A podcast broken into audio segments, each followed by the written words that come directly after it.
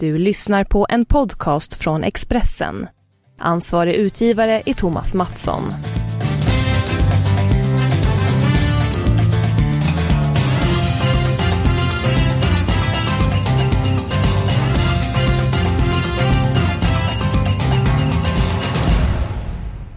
Hej på er och eh, varmt välkommen till eh, Avspark. Eh, Premier League är igång. Det tycker vi är roligt. I den här podden så snackar vi fotboll, vi snackar tips och den här veckan så är det jackpot på Stryktipset.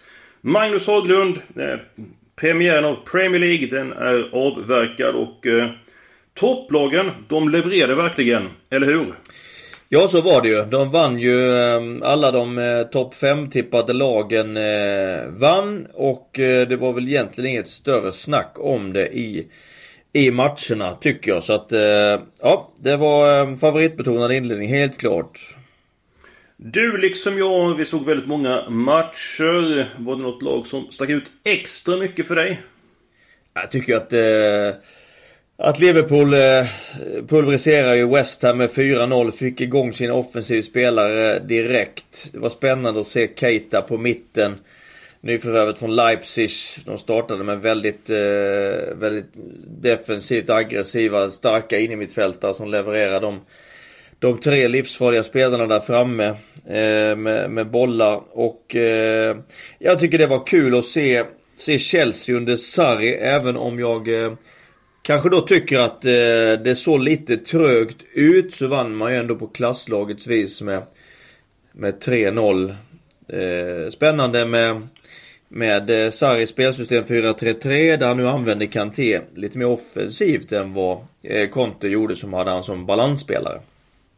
Det stämmer gott det. Och på tal om Chelsea. En het match i helgen. En av de hetaste eh, hela Eh, helgen, det är ju Chelsea mot Arsenal. Tror du att Chelsea kommer ändra om någonting i laget inför derbyt mot Liverpool? Eller mot derbyt mot Arsenal givetvis. Nej, eh, jag tror väl inte det blir några större förändringar utan han eh, vill nog jobba på. Han eh, använder ju sig av den här spelmodellen Sarri i, eh, i Napoli företrädesvis 4-3-3. Inledde så också här i Chelsea. Kommer säkert vilja spela ihop laget och kommer säkert vilja liksom få saker och ting att sätta sig. Som sagt, så tidigare, lite halvtrögt emellanåt borta mot Huddersfield. Huddersfield gjorde ingen dålig match men eh, eh, men Chelsea har, det finns mycket, mycket mer att hämta och kommer bli bättre. Svårighetsgraden på Sarris spel är ju ganska hög. De behöver tid. Men över tid så kommer det nog se riktigt trevligt ut, det tror jag. Svårighetsgraden den är hög, säger du. Hur många matcher, hur många veckor eller rent av månader behöver Chelsea på sig för att hitta det spelet som Sörre vill att laget ska spela? Jag tror att det tar ungefär tre månader innan det sitter där. Eh, på den tiden bör han ha fått eh, rätt så bra ordning på, på grejerna. Så att eh, när vi kommer in i november då ska det vara ganska väloljat. Under tiden tror jag man, man på ren klass plockar med sig de poängen man behöver för att hänga med där uppe.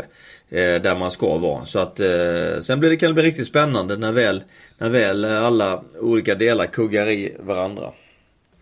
Vad säger vi om Arsenal då? Man har påbörjat en ny era. Eh, Arsen Wenger som var tränare i The Gunners i 200 år. Eh, han är ju inte boss längre. Föll mot den regerande mästaren Manchester City premiär med 2-0. Vilka förväntningar ska vara på Arsenal den här säsongen? Jag tycker att vi ska tror att Arsenal blir sexa i år igen. Det alltså är du är redan klar med din rank vilka som du tror vinner och vilka som uh, åker ut. Har du gjort en placering 1 ända ner till vilka som åker ut? Inte helt men jag har, eh, jag har placerat de lagen som åker ut, jag tror åker ut och jag har eh, topp 6 ganska klar. Sen vet vi att det blir eh, som vanligt ett getingbo placering eh, 7 till eh, eh, 17. Men jag tror att Arsenal blir, eh, blir sexa. Dels har man så mycket klart, klart bättre resurser än, än de andra lagen bortsett från topp, de som då tippas topp 5. Eh, och sen så kanske att Emre kommer in som tränare. Det känns ju ganska konstigt att inte Wenger är manager i Arsenal. Men det känns spännande och det känns nytt. Men jag tror att det här blir ett lite av ett ombyggnadsår. Och sen får man eh, verkligen liksom ta sats för att eh, slå sig in i eh, i bland de översta topp 4 igen. Så man var ju, man var ju alltså topp 4 21 säsonger i följd, vilket är helt mm. otroligt. Mm. Det är helt enastående. Men, men om vi säger vilka blir då platserna 1 till och med 5 år? Om du sagt att Arsenal blir sexa. Ja. Vilka kommer före det Grandes Ars- Ja, det gör eh, Chelsea på femte plats, Tottenham på fjärde, Manchester United på tredje, City på andra plats och Liverpool vinner Premier League. Mm, ja du har ju varnat för det och du har varit rätt ute. Du trodde väldigt mycket på att AK skulle ta SM-guld. Och så eh, lyfter du fram Leeds som vinnare i The Championship eh, inför säsongen. Jag har ju faktiskt fått en fråga där om... Om... Eh, eh, Leeds. Eh, tack för tipset på Leeds. Jag spelade laget till 13 gånger och nu står de bara i 6 gånger insatsen. Vad tror ni om Aston Villa borta mot Ipswich? Vi tar den här frågan så går tillbaka till Arsenal och Chelsea. Eh, ja, det, vad tror du om Aston Villa då, Magnus? Det är ju i slutet av eh, kupongen. Eh, match nummer 8. Ipswich, Aston Villa. Vad är det för känsla där? Ja, jag vill först säga att det här är ett, det här är ett riktigt klassikermöte. Vi vet, vi vet ju att säsongen 1980-81 när jag var en liten pojk och mycket intresserad redan då. Så slogs eh, de här lagen om eh, segern i det som då var engelska ligan division 1.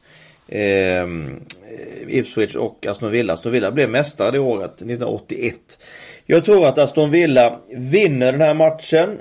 Eh, jag tror att det är en jätteintressant eh, tvåa på tipset. Eh, det, det, är en ganska favoritbetonad omgång ser jag men Men eh, det här är en bra tvåa. Eh, därför att Steve Bruce har fått igång laget eh, bra. Man hade en stark vår, spurtade starkt. Mm, absolut. Man, man, har lyckats ta med sig det och bygga vidare på detta in i den här säsongen. Kommer med två raka, full pott än så länge. Ipswich lite tveksamt, en oerhörd, en förlust.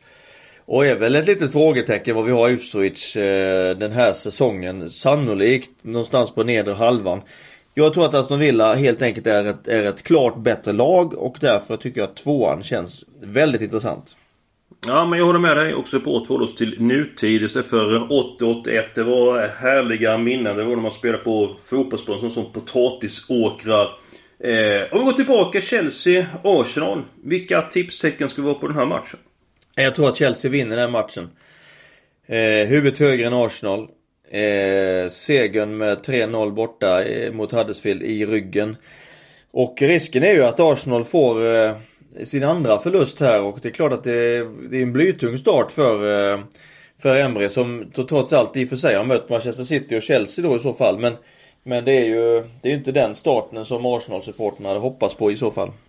Nej, eh, jag vill nog ändå med krysset där. Eh, precis som du tycker, det såg lite grann segt ut mellan varven när Chelsea besegrade Huddersfield. Huddersfield är ju ett tippat bottenlag. Så jag vill ändå safe upp med ett kryss där. De här matcherna vill jag spika. Eh, jag köper spiken på eh, Aston Villa. Alltså det är bara två stycken matcher kvar för mig att eh, ta ut som spika. Och då är det Tottenham mot eh, Fulham. Det är match nummer fyra. Tottenham är inte riktigt i fasen. Nu kommer bli bättre efterhand. Många spelare som var med i VM. Fått lite ledigt och så vidare. Medan man har så bra trupp ändå. Eh, så att jag tror att det blir seger över Fulham och därmed förlorar Fulham sitt andra raka derby. Man förlorar mot Crystal Palace helgen. Och Magnus Leeds har du uttalat dig varm om i två, tre eh, program. Eh, nu möter man Rotherham. Match nummer 9. Jag tror väldigt mycket på Leeds. Det enda som jag tror kan fälla Leeds den matchen, det är grov underskattning. På tal om Leeds. Hur går det för Pontus Jansson? Ja, det var ju en eh, glädjande nog så fick ju Pontus Jansson spela hela matchen igår när Leeds mötte Bolton i eh, ligacupen. Så att det var ju bra. Han har ju varit eh, tillbaka nu i tre veckor. Varit igång i tre veckor tillsammans med truppen och sin nya tränare Bielsa. Och eh, Så det var väldigt viktigt att han fick den matchen och eh, det blir intressant att se här nu närmsta närmsta veckorna hur han står, står sig. Hur Bielsa anser att Pontus Jansson står sig i konkurrensen gentemot de andra mittbackarna som har spelat de två första matcherna, gjort det bra och laget har ju vunnit övertygande. Men det vore väl märkligt om inte Pontus Jansson eh, om några veckor här har spelat till sig den här platsen i startelvan igen.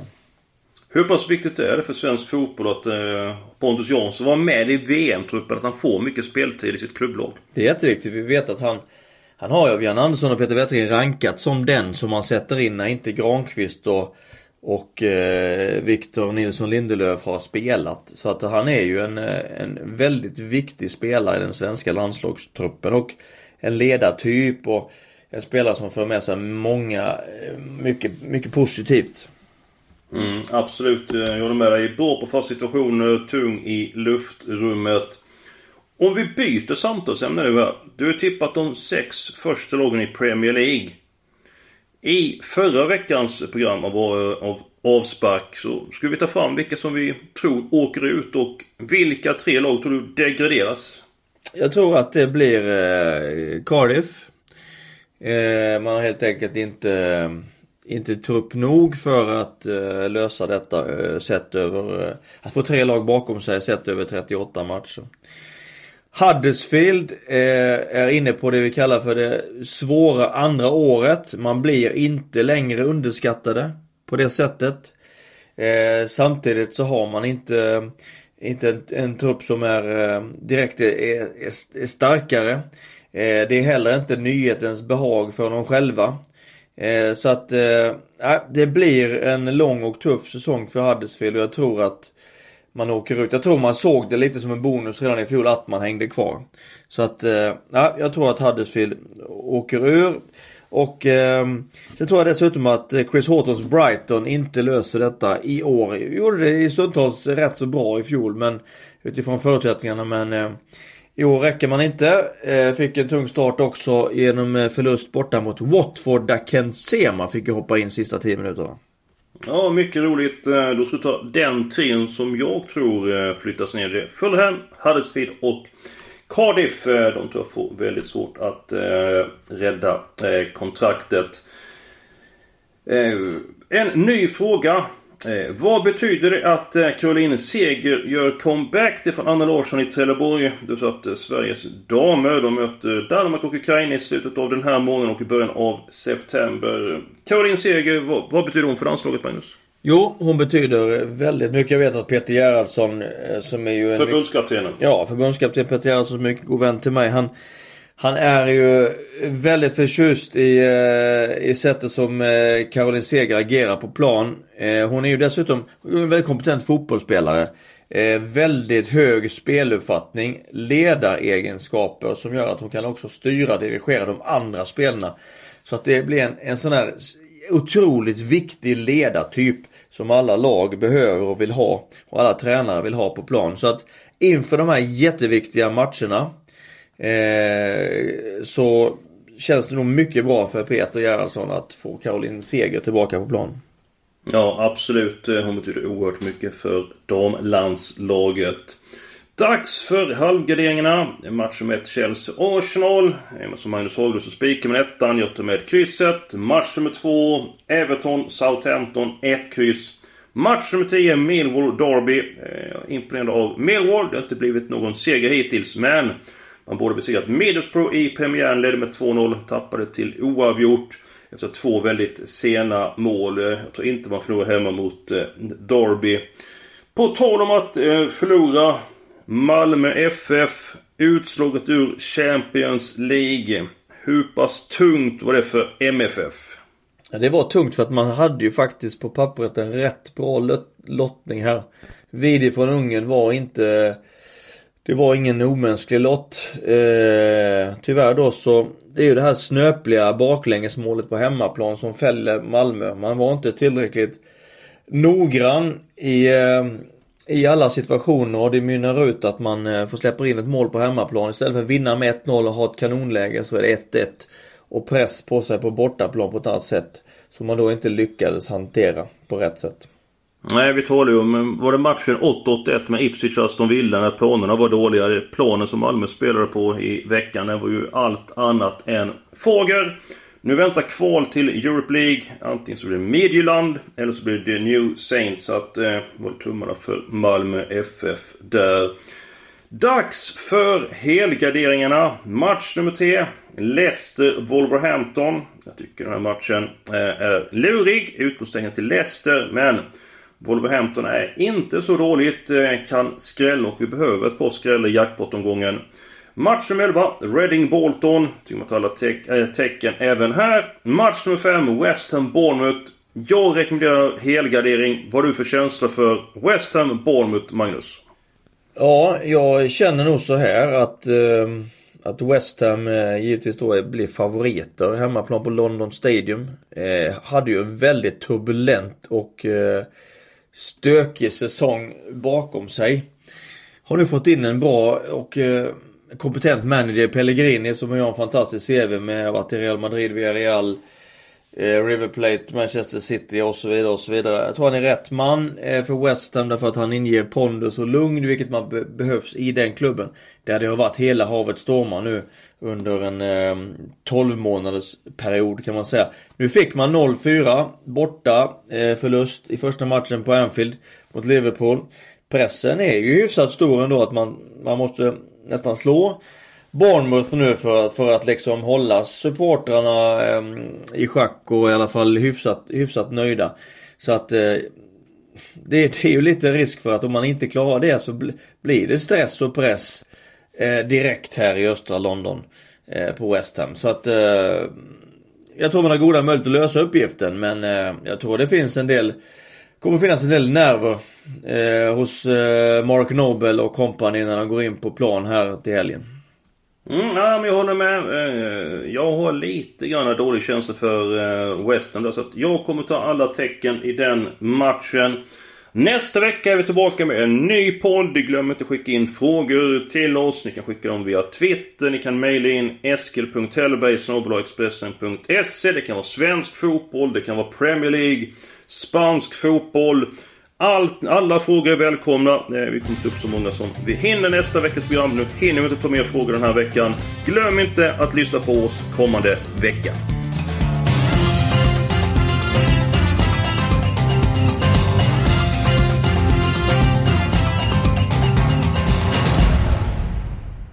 Du har lyssnat på en podcast från Expressen. Ansvarig utgivare är Thomas Mattsson. Ett poddtips från Podplay. I fallen jag aldrig glömmer djupdyker Hasse Aro i arbetet bakom några av Sveriges mest uppseendeväckande brottsutredningar.